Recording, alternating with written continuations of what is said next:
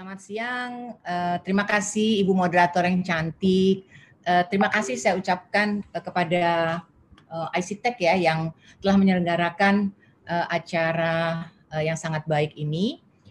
Uh, saya mendapat tugas uh, membicarakan tentang comprehensive management of head and neck cancer. Jadi kalau uh, di sini saya hanya uh, ingin sedikit sharing bahwa kalau kita menata laksana uh, cancer uh, itu uh, mulai dari diagnosis kemudian sampai kemudian kita uh, menata laksana tentu uh, kita tidak uh, bisa berdiri sendiri tidak bisa berjalan sendiri tapi kita harus ada yang namanya uh, multidisiplin. Tim harus ada uh, uh, comprehensive treatment ya. Oke okay, baiklah. Jadi ini topik saya. Uh, kalau kita uh, bicara tentang uh, global epidemiology dulu ya uh, tentang kanker kepala leher sedikit saya bahas bahwa saat ini uh, kalau kita lihat bahwa di dunia itu uh, kanker kepala leher merupakan uh, di pada tempat uh, 6 ya ke yang kanker yang terbanyak. Dan kalau bisa memang itu sangat terpengaruh oleh uh, negara, sangat terpengaruh oleh area dan sangat sangat terpengaruh dengan tipe kanker itu sendiri uh, yang kita tahu bahwa adalah yang terbanyak adalah squamous cell carcinoma. Kemudian kalau kita lihat di sini uh, uh, per tahun itu uh, kematian karena kanker itu sekitar 400 ribu uh, uh, kematian per tahun. Dan uh, ada beberapa tempat yang berbeda seperti USA, kemudian di Amerika, di Eropa sendiri atau di Asia sendiri. Di Asia sendiri akan sangat berbeda, Asia Tenggara, Asia Utara, Asia Selatan. Nah, uh, kalau kita lihat uh, insiden yang tertinggi ini akan sangat uh, terlihat ya bahwa untuk lip cancer aja, untuk uh, oral cavity cancer ternyata Australia sama Eastern uh, Australia kemudian uh, Eropa yang uh, timur juga itu uh, sangat tinggi. Kemudian uh, di NPC sendiri karsinoma nasofaring di Amerika sangat uh, tidak merupakan endemik. Tapi kalau kita lihat di uh, Afrika Utara, kemudian juga di Asia Tenggara dan Asia uh, Timur uh, itu ternyata uh, cukup menjadi endemis ya daerah yang endemis. Uh, dan kemudian laring dan hipofaring juga. Nah, ada ternyata peningkatan incidence itu uh, pada uh, apa Amerika dan uh, uh, Europe itu di dari cancer orofaring. Dan kemudian uh, di thyroid cancer sendiri differentiated itu meningkat pada Belarus Ukraine. Jadi dengan kata lain ada incidence head and neck cancer yang kira-kira uh, meningkat ya sekitar uh, 62 persen uh, pada tahun sekitar nanti 2035. Nah, di ini akan terlihat sekali bahwa summary statistik 2020 kalau kita lihat di sini uh, ada lima uh, top cancer yang terbanyak ya uh, pada female terutama. Kalau pada laki-laki tidak ada nih kelihatannya nih yang head and neck. Tapi kalau kita lihat pada female terlihat bahwa thyroid itu juga termasuk uh, yang tersering yang kita dapatkan uh, pada female head and neck cancer.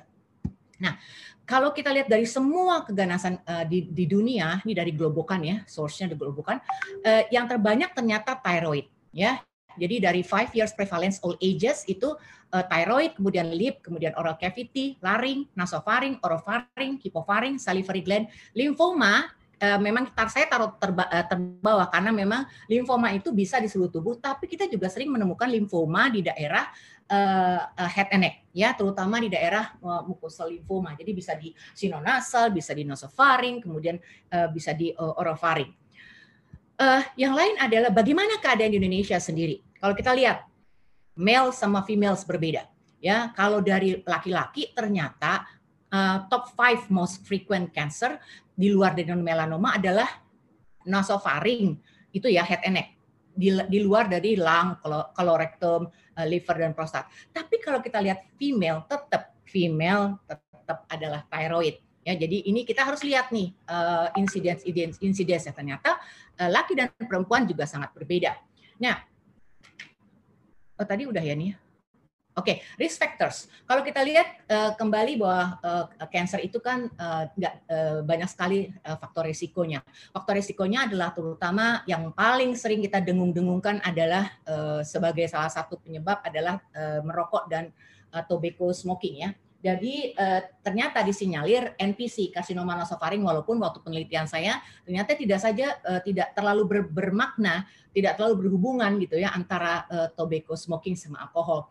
Tapi orofaring kemudian cavity dan laring itu ternyata juga sangat berpengaruh. Ya, jadi ada paparan yang terus-menerus tapi ingat risk faktor ini faktor resiko harus dalam waktu yang lama terus-menerus dan continue. Nggak bisa cuma sebentar kemudian menimbulkan cancer. Dan tidak saja faktor. Jadi kalau kita sebutkan faktor resiko bisa uh, uh, merokok, hanya merokok saja tidak hanya harus ada faktor-faktor yang lain yang seperti saya sebutkan ada alkohol, ada genetic, family history, ada bagaimana dia makanan dan kemudian hygiene oral hygiene, kemudian kebersihan eh, apa daerah rongga mulut dan lain sebagainya itu sangat berpengaruh. Ya, jadi yang pengaruh juga adalah alkohol. Ternyata di kepustakaan kalau tobacco saja, smoking saja itu sedikit perannya. Tetapi begitu tobacco, uh, smoking kemudian ber, ber, ber, ber, bersamaan dengan alkohol, dia akan meningkatkan 30 kali kemungkinan risikonya untuk terjadinya cancer. Apalagi ditambah dengan kalau dia mempunyai genetik cancer jadi harus hati-hati ya. Faktor faktor dietary juga ada yang bilang ikan asin untuk cancer apakah iya? Karsinoma oesophageal saya bilang belum tentu karena dulu itu China Selatan iya. Karena dia selain dia memakan ikan asin yang uh, yang di, di, uh, saltednya dengan dinitrosamin tetapi ada faktor lain. Orangnya itu kurang buah kurang sayur kemudian kurang paparan sinar matahari. Jadi uh, dan kemudian karena manusia bot jadi akhirnya daya tahan tubuhnya rendah. Jadi semua faktor itu yang akibatnya menimbulkan ditambah dengan virus tentu ya. Jadi kita lihat nih, itu berpengaruh sekali akhirnya akan timbul uh, cancer. Nah, apakah occupational industrial exposure juga berpengaruh? Sangat, terutama yang berhubungan dengan uh, saluran napas atas. Kalau kita sering me mencium uh, terus-menerus formaldehid, asbes dan lain sebagainya, apalagi wood dust di Jepang dulu sangat tinggi karena uh, karena dia sering mencium karena negara industri ya, negara yang sering membangun wood dustnya juga tinggi infeksi HPV 16 ternyata uh, sangat berpengaruh. Dulu karena uh, tobacco alkohol juga meningkat, tapi sekarang ternyata begitu tobacco alkohol menurun, kenapa cancer di, di, luar masih tinggi? Ternyata ada faktor HPV yang ternyata HPV yang adanya kalau dia positif, dia akan menim, uh, menyebabkan uh, ternyata um, apa ya uh, paparan atau uh, respons dari treatmentnya ternyata lebih baik, ya Oke, okay, baik. Nah, battle with uh, good ini juga di negara India, terutama ya oral cavity cancer.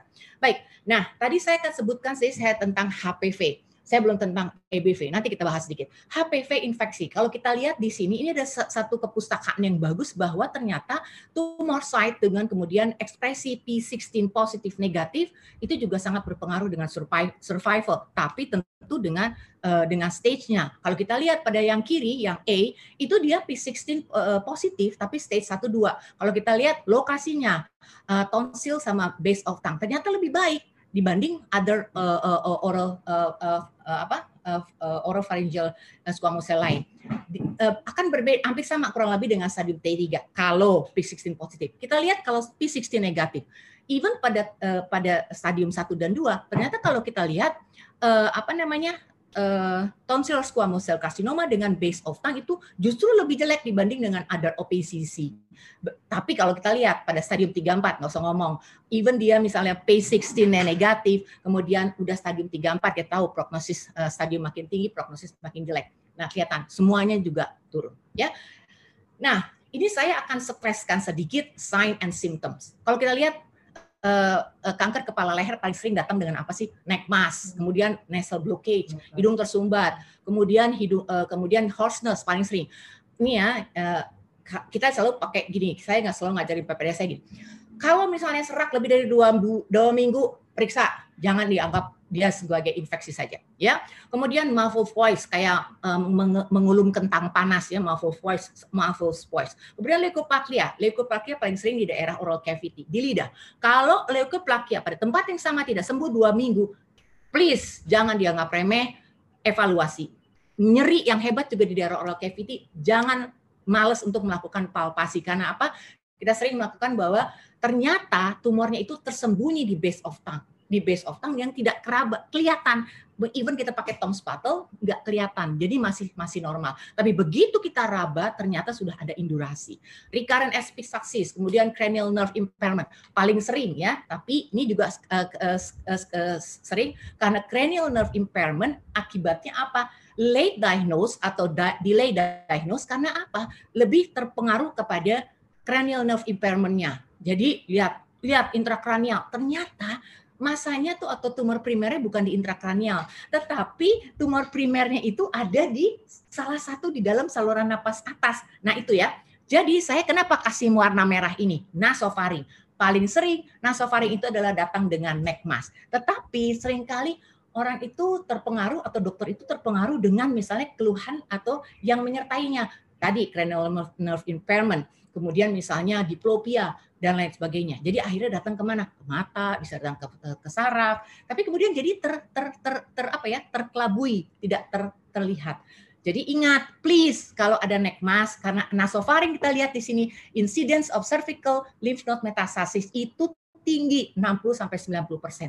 Jadi please saya pesan kalau ada neck mask coba dilihat dulu klinisnya ada nggak karena nasofaring atau misalnya pemeriksaan fisiknya. Pemeriksaan fisik kita nggak bisa loh melihat dengan pemeriksaan THT biasa, tapi harus dengan nasoendoskopi baik rigid maupun fiber. Titip pesan ya. Baik, diagnosis. Bagaimana diagnosis? Tadi uh, clinical clinical uh, uh, apa symptoms kita udah lihat. Sekarang diagnosis. Apa yang kita harus lakukan? Kalau misalnya naik mas atau misalnya ada masa di tiroid atau misalnya ada masa di parotis, apakah kita akan langsung black? Tidak, jangan. Lakukan needle aspiration cytology karena dia mempunyai sensitivitas dan spesifisitas yang baik. Dia mempunyai juga advantage ya, keuntungannya ada pasti scaringnya nggak ada, kemudian minimal tumor seeding ya, tapi tentu the man behind ya berikan uh, fine needle aspiration pada dokter yang memang biasa melakukan FNAB. Corneal biopsy, ada ada ada tempat nggak sih? Ada corneal biopsy, tapi kita jarang loh. Saya itu jarang tuh pada daerah parotis kita minta core biopsy, nggak.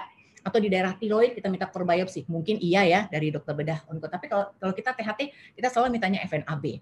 Corneal biopsy bisa pada misalnya breast, jujur kita pernah juga dilakukan corneal biopsy ya. Kenapa? Cuman ada kejelekannya corneal biopsy itu resiko untuk tumor seeding karena kan diameternya itu kan uh, needle-nya kan juga cukup besar. Jadi begitu ditarik uh, resiko untuk tumor seeding-nya juga lebih tinggi, kemudian bleeding risk-nya juga lebih tinggi ya. Nah, bagaimana tentang sentinel lymph node biopsy? Ini juga dilakukan pada kasus-kasus untuk kita mencegah dilakukannya pengangkatan kelenjar getah bening yang tidak seharusnya atau misalnya kita harus melihat dulu alirannya ya. Jadi misalnya jadi tapi paling sering adalah kita mempunyai lihat kita lihat deteksi rate in oral cancer-nya cukup tinggi ya, sekitar 95%. Oke, okay, uh, eh, berikutnya adalah diagnosis. Uh, setelah kita uh, biopsi ya, misalnya dengan tadi saya uh, fine needle aspiration atau core needle biopsi atau biopsi incisional atau biopsi excisional itu bisa dilakukan, tapi imaging, imaging adalah penting dilakukan pre operatif atau pre-treatment. Jadi kenapa kita bisa pilih antara CT scan, MRI, USG atau eh, FDG PET scans semuanya mempunyai uh, uh, apa namanya sensitivitas dan spesifisitas yang cukup baik apalagi untuk neck node detection. Semua di atas 90%. Kita lihat aja spesifisitinya di atas 90% semua. Tetapi apakah kelebihannya? CT scan akan lebih baik untuk menilai apakah misalnya dia untuk uh, keterlibatan tulang ya, destruksi tulang, kalau MRI untuk uh, apa berikutnya nih mungkin ya. Uh, MRI uh, akan lebih baik untuk uh, soft tissue uh, extension. Seperti CT scan ini ya. Jadi kita lihat bahwa uh, kerugiannya adalah tentu radiation dose burden, uh, risiko untuk neuropati dan lain sebagainya. Ya, tapi kemudian dia sangat bagus untuk ingat nih di daerah infrahyoid neck. Jadi kalau infrahyoid bawahnya kita pakai biasanya CT scan. Kalau upper uh, superior dari uh, hyoid kita pakai MRI. Ya. Oke, okay, ini MRI jadi kita lihat bahwa dia bisa untuk bone marrow, untuk uh, perluasan dari tumor, terutama untuk melihat apakah ada ada perineural uh, spread dan lain sebagainya ya tapi tentu ya mahal terus longer scan type ya 45 menit lah kurang lebih ya oke okay.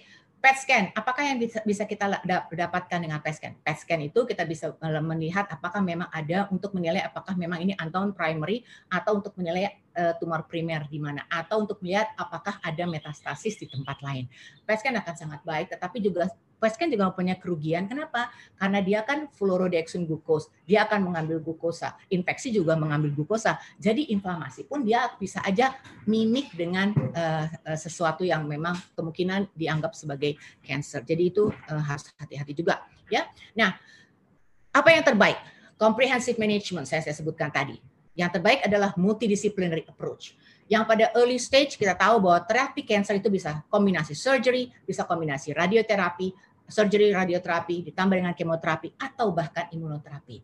Early stage kita lihat bahwa mempunyai efikasi untuk local treatment dengan uh, apa dengan uh, operasi dan radioterapi sekitar 60 sampai 95%. Kalau kita lihat pada stadium 3 dan 4 locally advanced multimodality treatment akan memberikan disease control rate sekitar 40%. Bagaimana dengan bulky disease seperti banyak kasus-kasus yang kita dapatkan, ternyata induction chemo eh, dilanjutkan dengan radioterapi, kemoterapi atau surgery itu memberikan hasil yang lebih baik. Eh, kemudian recurrent metastasis disease tentu eh, terapinya adalah kemoterapi full dose, kemudian bisa setelah itu bisa dilanjutkan dengan surgery dan kemoterapi radioterapi. Bagaimana tentang imunoterapi? Imunoterapi sudah berkembang sangat banyak seperti monoklonal antibody agent, cetuximab dan lain sebagainya, uh, tapi tentu uh, masih ongoing uh, study ya. Nah, sekarang saya ingin sedikit uh, kepada teman-teman semua bahwa uh, choosing the best treatment for patients tentu dengan uh, dengan evaluasi uh, uh, clinical symptoms kemudian dengan UE, uh, apa CT scan atau MRI seperti ini apakah kita akan memberikan terapi surgery pada kasus seperti ini? Tumornya demikian bulky kemudian matanya udah ke kanan udah lateralisasi kemudian sudah menginfiltrasi uh, apa uh, intrakranial sudah juga ke nasofaring di mana seperti itu per, uh, akan menimbulkan recurrency yang cukup tinggi jadi dalam hal ini mungkin kita akan mengenal this is the inoperable case. Go to the other uh, treatment seperti misalnya kombinasi atau kemoterapi dulu, induction, kemudian kita lanjutkan dengan uh, concurrent chemoradiasi. Jadi pilihlah treatment yang baik sehingga untuk pasien sehingga tidak menimbulkan morbiditas dan memberikan mortalitas pada pasien. Oke, okay. Lain lagi adalah comprehensive management. Uh, yang terpenting adalah kita selalu rutin ya. THT itu kita punya uh, cancer meeting setiap hari Rabu multidisciplinary team discussion. Di situ ada ophthalmologist ada plastic reconstruction surgeon ada facioplastic uh, kita sendiri ya. Kemudian neurosurgeon surgical oncologist radiation oncologist medical oncologist histopathologist jangan lupa. Jadi semua itu adalah seperti kasus-kasus ini ya. Ini yang kasus bawah basal cell carcinoma. Terus kita lakukan dengan akhirnya kita eksisi luas, kemudian free, uh, free margin dievaluasi dengan PA, kemudian habis itu kita lakukan dengan free flap ya. Temu, ke, uh, seperti juga uh, CA lidah kemudian juga uh, CA sinonasal seperti ini ya. Dan yang lain adalah yang terpenting multidisciplinary approach. Apa itu? Kita bergerak THT apa head and neck itu bergerak sangat uh, sangat penting airway A airway. Jadi problemsnya adalah kalau ada masa yang bulky di neck bisa dari keluar tapi juga dia menekan ke dalam, tapi juga ada masa yang luas di orofaring atau oral cavity atau misalnya nasofaring turun ke bawah sampai hipofaring sampai kemudian uh, rima glotis tertutup oleh masa. Sehingga masalah airway itu menjadi penting ya. Dan kemudian apa yang kita bisa melakukan tindakan dan ini harus emergency dan kita harus selamatkan dengan lakukan apa? Dengan lakukan tracheostomy. Tracheostomy itu bisa kita lakukan primer atau kita dengan general anesthesia, tapi biasanya kalaupun tidak agak sulit kita bisa uh, bekerja sama dengan anestesi dengan fiber optic nasotracheal intubations atau tracheostomy primer atau second, uh, secondary. Nah, itu juga sering kali nanti ada ada ada ada ada contohnya ya, USG guided tracheostomy. Dengan tumor yang bulky di bagian anterior, di bagian lateral, kita tidak bisa lagi palpasi yang namanya trachea atau palpasi yang namanya uh, uh, daerah uh, uh, apa hyoid misalnya menjadi landmark atau misalnya trachea. Di situ kita butuh misalnya USG guided tracheostomy, ya. Nah, pada kasus seperti ini, ini airway management, ini anak muda 16 tahun namanya Bening. Tapi lihat tumornya seperti ini. Bagaimana kita mau tracheostomi di, di anterior itu adalah tumor semua, sehingga kita pun meraba nggak bisa. Akhirnya kita cuma raba-raba. Di mana nih trachea? Uh, si apa uh, apa ya foto toraks, foto eh, foto cervical hanya akan mungkin menunjukkan bahwa ada shift to the right dari trakeanya. Tetapi amat sangat sulit karena dari dari bagian kulit sampai ke bawah itu isinya tumor semua. Di sini kita minta bantuan uh, anestesi untuk melakukan mencari yang namanya trachea dan alhamdulillah dapat tapi lihat ya udah sampai lateral sekali. Dan kemudian kalau misalnya masanya tuh besar di rongga hidung atau rongga mulut atau sampai ke laring tentu akan menimbulkan kesulitan untuk intubasi. Jadi uh, uh, kemudian juga untuk bernapas karena pasien itu kan kita harus selamatkan airway-nya selama um, selama kalau seperti ini kan mungkin nggak operasi ya, tapi selama radiasi kemo kita harus pertahankan jalan napasnya supaya paten sehingga tidak menimbulkan masalah. Ya, tracheostomy penting. Yang berikutnya adalah oh ya ini ya jalan napasnya dia lihat ya uh, semua uh, sudah tertutup sampai ke laring. Jadi pita suaranya kita tidak bisa melihat lagi. Ini video yang sangat baik ya. Jadi contoh bahwa pada keadaan ini kita sudah bisa tidak bisa lagi menunda. Pasien harus right away lakukan tracheostomy ya. Tracheostomy. Oke. Berikutnya adalah nih nanti dokter Nurul ya. Nih, nutrisi.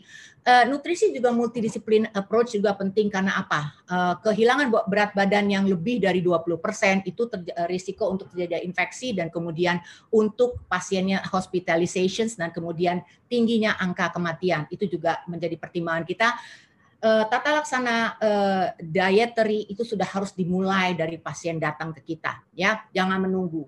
Kemudian juga masalahnya ya pasti kadang-kadang pasien apalagi uh, sedang, uh, karena proses operasi ya atau misalnya karena radiasi atau kemo dia tidak mau makan odinofagi, disfagi dan lain sebagainya mukositis ya kemudian belum nyeri nyeri menelan yang hebat. Nah, di sini perlunya adalah oral nutrition supplement kemudian parenteral dan kita selalu menyarankan kepada pasien dari awal kita pasang gastrostomi. Tapi kalau misalnya tumornya demikian besar di nasofaring atau menutup atau misalnya di orofaring kita biasanya menyarankan uh, uh, PEG ya. Mungkin nanti dokter Nur Nurul akan lebih jelas menerangkannya. Ini bagiannya beliau soalnya.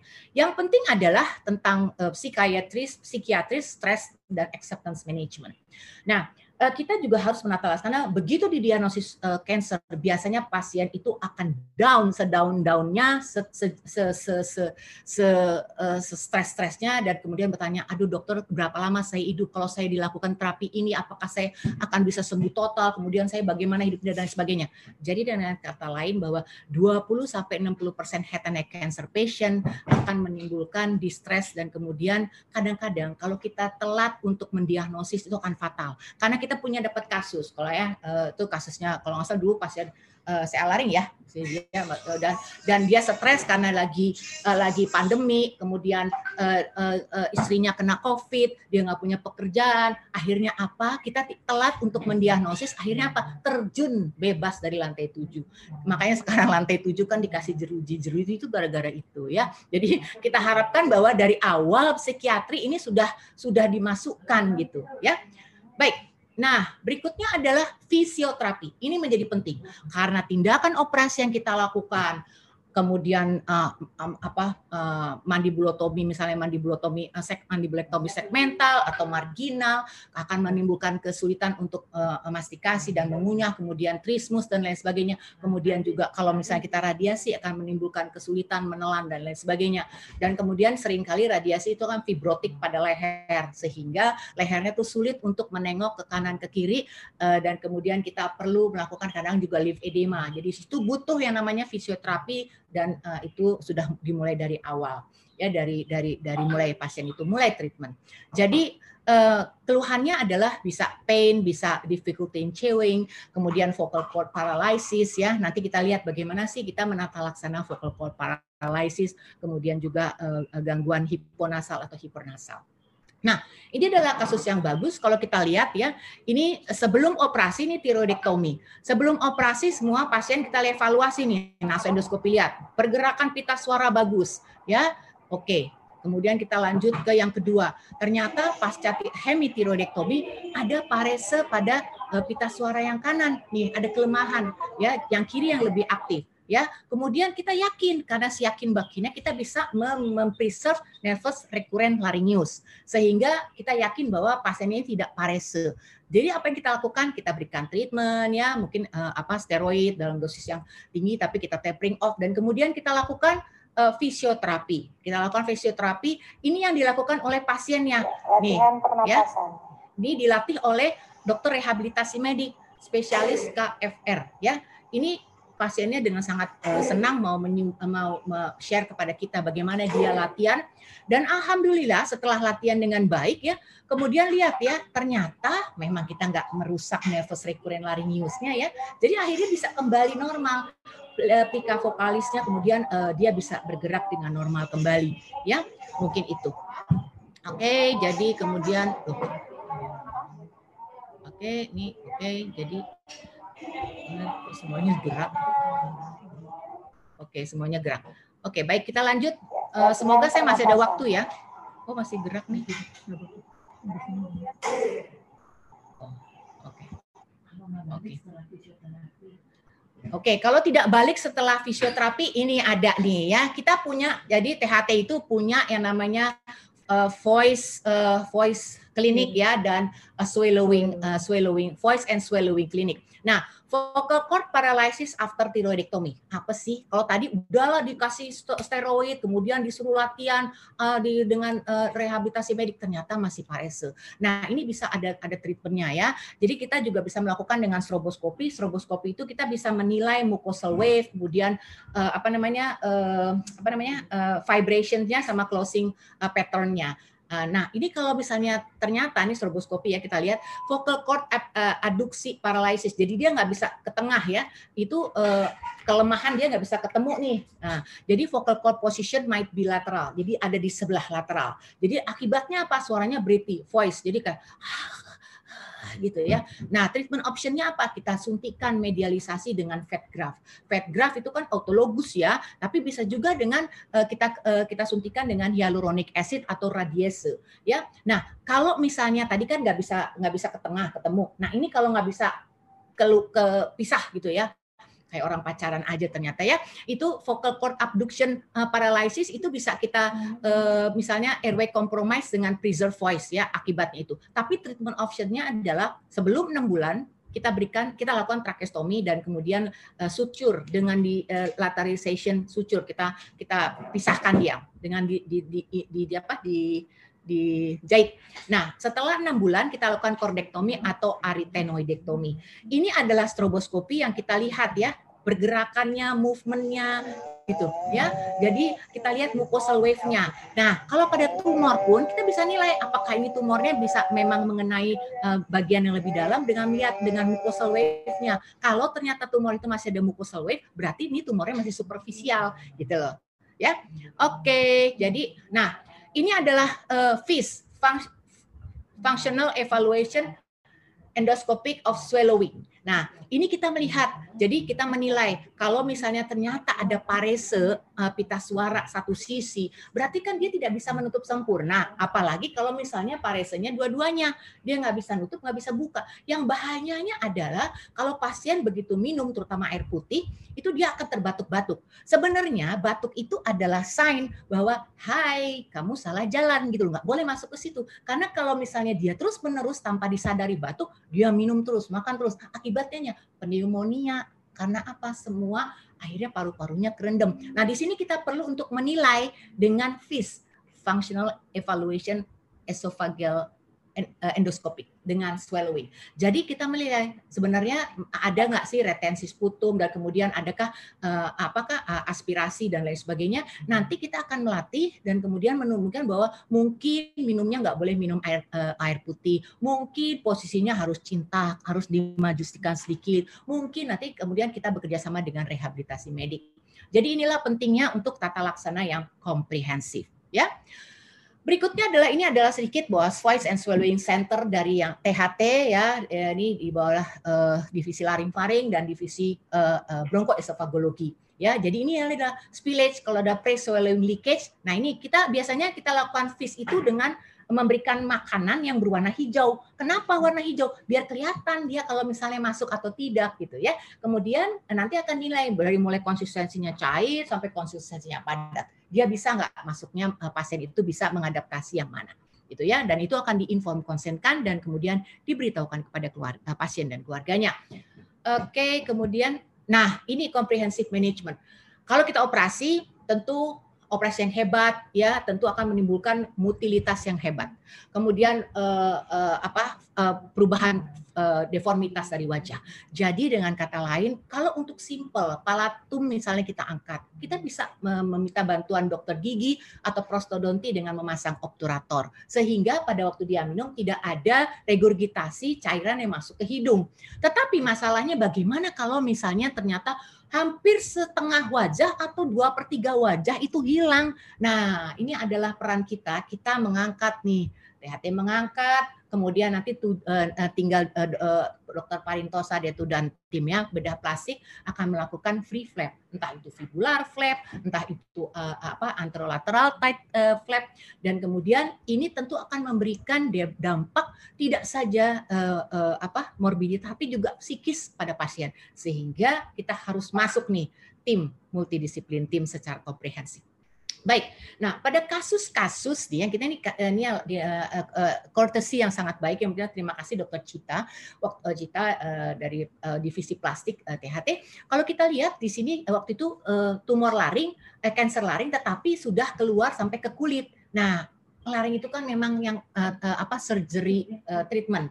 Jadi uh, kita harus mengangkat sebersih-bersihnya termasuk uh, laringectomy total, tetapi di daerah skinnya yang bagian anterior tentu kita harus angkat juga dan kemudian kita lakukan PM flap ya. Nah, bagaimana sih sebenarnya uh, pada kan kanker lari ini contoh aja ya bahwa kanker lari orang itu biasanya harus dilakukan uh, biasanya pada pada yang datang ke kita itu dengan stadium advance. Stadium advance itu berarti harus kita lakukan total laringectomy. Kalau masih pada terbatas pada satu pita suara, mungkin tidak melibatkan misalnya uh, komisura anterior atau komisura posterior, kita masih bisa melakukan partial laringectomy ya. Tetapi kalau sudah bulky neck, kemudian kemudian juga uh, uh, apa laringnya juga harus diangkat semua. Mungkin kita kalau lakukan laringectomy total dan itu biasanya pasiennya harus bernapas melalui leher seumur hidup. Dan di situlah bahwa kadang-kadang pasien menolak karena dia tidak bisa berbicara. Tetapi kita bisa melakukan misalnya pada saat laringectomy total, kita lakukan neck disseksi bilateral, kadang-kadang sisi sesisi itu tumor kita lakukan hemitiroidektomi, tapi juga pada saat itu kita pasang voice prosthesis. Voice prosthesis Provox kita pasang di party wall, di posterior dari esofagus, di anterior, dinding anterior dari trachea kita pasang, kemudian kita diamkan. Eh, tapi biasanya ini sayangnya nggak diganti oleh BPJS ya. Jadi pasien harus beli sendiri kurang lebih harganya tujuh setengah juta. Dulu kita punya banyak karena saya dibawa sugepok banyak dari Belanda. Tapi sekarang udah habis jadi pasien harus beli sendiri. Nah ini adalah contoh pasien yang uh, Pak Ayan ini udah tiga tahun pakai Provox setelah dilakukan laringectomy. Nggak pernah ganti, dia nggak pernah bocor, nggak pernah leakage around dari surrounding dari si uh, Provox itu sendiri. Tapi dia datang kemudian dia anaknya WA, dok uh, provoksnya papa nyemplung, nyemplung ke mana? Saya bilang gitu ya. Terus ternyata nyemplungnya tanpa saya lihat dari uh, trachea tidak ada, tidak ada yang provoksnya Karina juga bagus. Ya bagus, alhamdulillah mungkin nyemplungnya kayak esofagus. Tapi kita lihat ya, ini adalah cara masang yang yang gampang ya. Jadi sebenarnya eh, karena udah hilang ya udah kita langsung pasang. Kalau pasang secondary kita bisa dipoli. Tapi kalau secondary insertion setelah uh, operasi atau uh, radiasi kita biasanya uh, dalam keadaan anestesi umum dengan laringoskop dengan bentuk uh, dengan bantuan esofagoskopi. Nah, begitu gampang untuk mengganti tidak perlu harus anestesi umum, uh, poliklinik procedures hanya butuh uh, headlamp dan kemudian butuh dua clamp ya. Dan kemudian ini karena eh, sebenarnya ya seperti ini ya kita pasang dengan mudah dan akhirnya posisinya seperti ini. Eh, sebenarnya ini si tali ini harusnya dipotong. Kenapa? Karena dan kita putar ke bawah. Karena begitu talinya di bawah kanopinya tuh di atas untuk seperti kanopi yang di jendela depan rumah untuk mencegah apa? Supaya ada tampias dari makanan atau cairan yang makan. Nah ini kurang lebih suara yang dihasilkan dari Provox. Kedengeran nggak? Semoga kedengeran. Terima kasih Bu Dokter. Ya. Kalau udah serangannya.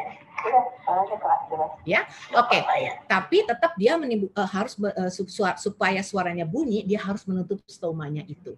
Ya, baik. Ini kurang lebih. Tapi voice prosthesis, uh, voice rehabilitation itu juga bisa dengan uh, esophageal speech. Ya, jadi kita seperti bertahap uh, mengumumkan uh, apa gitu. Nanti ada videonya. Tapi juga bisa dengan elektrolaring. Ya, jadi elektrolaring juga mahal, sekitar 12 juta kalau nggak salah ya. Tapi yang penting sih kelihatannya mesti diganti aja uh, baterainya.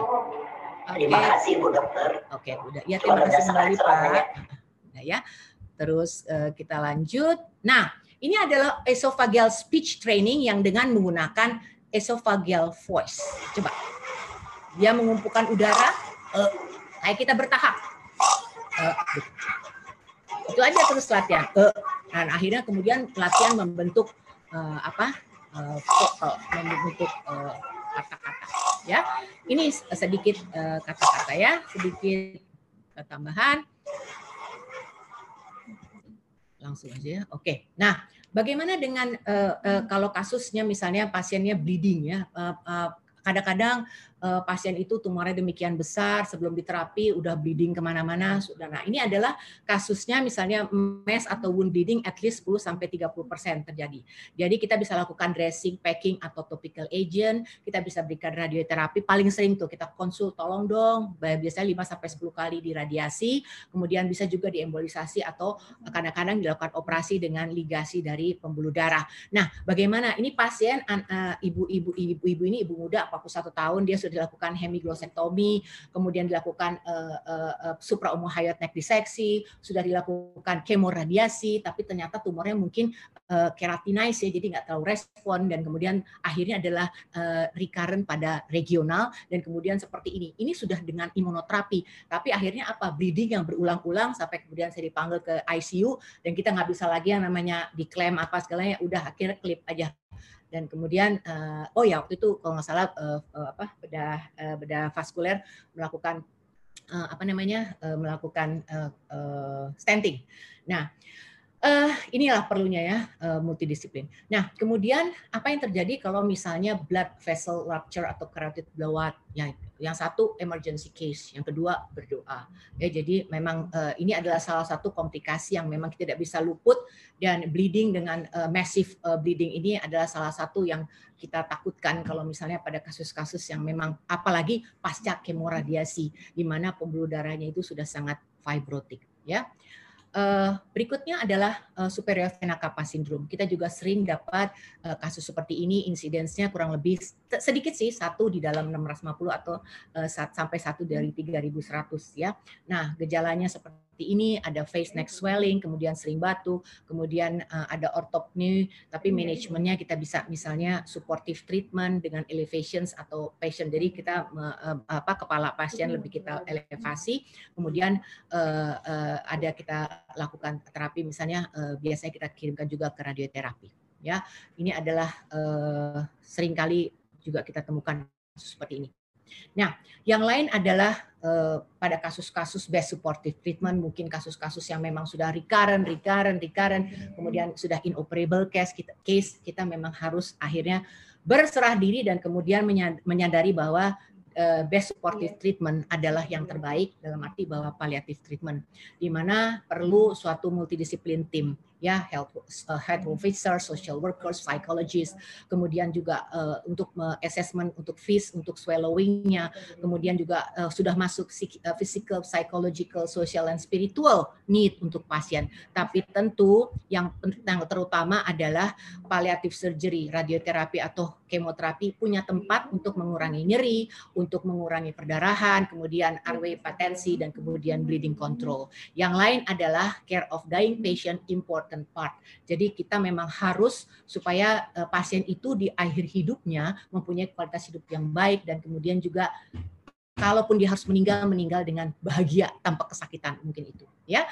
Uh, nah conclusionnya adalah diagnosis head and neck cancer perlu clear anamnesis, good physical examination, careful and proper diagnosis kemudian harus dilakukan diskusi dan dan uh, tata laksana treatment pilihan treatment yang terbaik uh, melalui multidisiplin tim uh, uh, karena banyak kepala akan lebih baik daripada satu kepala. Kemudian good informed consent to the patients and the family. Yang lain apa? Treat patient comprehensive since the beginning. Jangan terlambat ya karena keterlambat bisa fatal. Yang lain kalau kita mau lakukan terapi, pilih goal dari treatment ini. Kita mau lakukan ini sebenarnya kuratif atau paliatif. Jadi kita sudah mempersiapkan pasien dan keluarganya sejak awal. Yang lain adalah tujuannya tentu uh, untuk uh, tata laksana head and neck cancer management adalah eradicate tumor, minimizing morbidity, dan kemudian minimizing complication, dan tentu higher good quality of life, dan kemudian kita mengharapkan good survival. Nah, kontributornya ini kemudian ini adalah sebenarnya uh, grup tunalaring yang bernyanyi.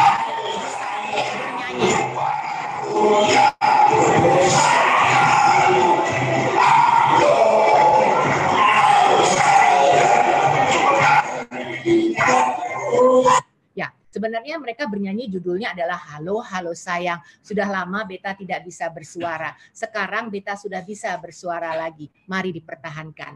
Jadi dengan kata lain, kalaupun kita melakukan suatu treatment, kita jangan mengurangi uh, uh, uh, apa uh, kualitas hidup dari pasien sehingga kalaupun kita melakukan terapi baik operasi, baik radiasi, baik kemoterapi atau kombinasi itu semua, kita akan bisa mengembalikan pasien ke dalam lingkungannya dan kemudian dia mempunyai pride yang sama sebelum dioperasi. Mungkin itu yang uh, terutama Dah, terima kasih. Semoga apa yang saya sampaikan bisa bermanfaat. Wassalamualaikum warahmatullahi wabarakatuh.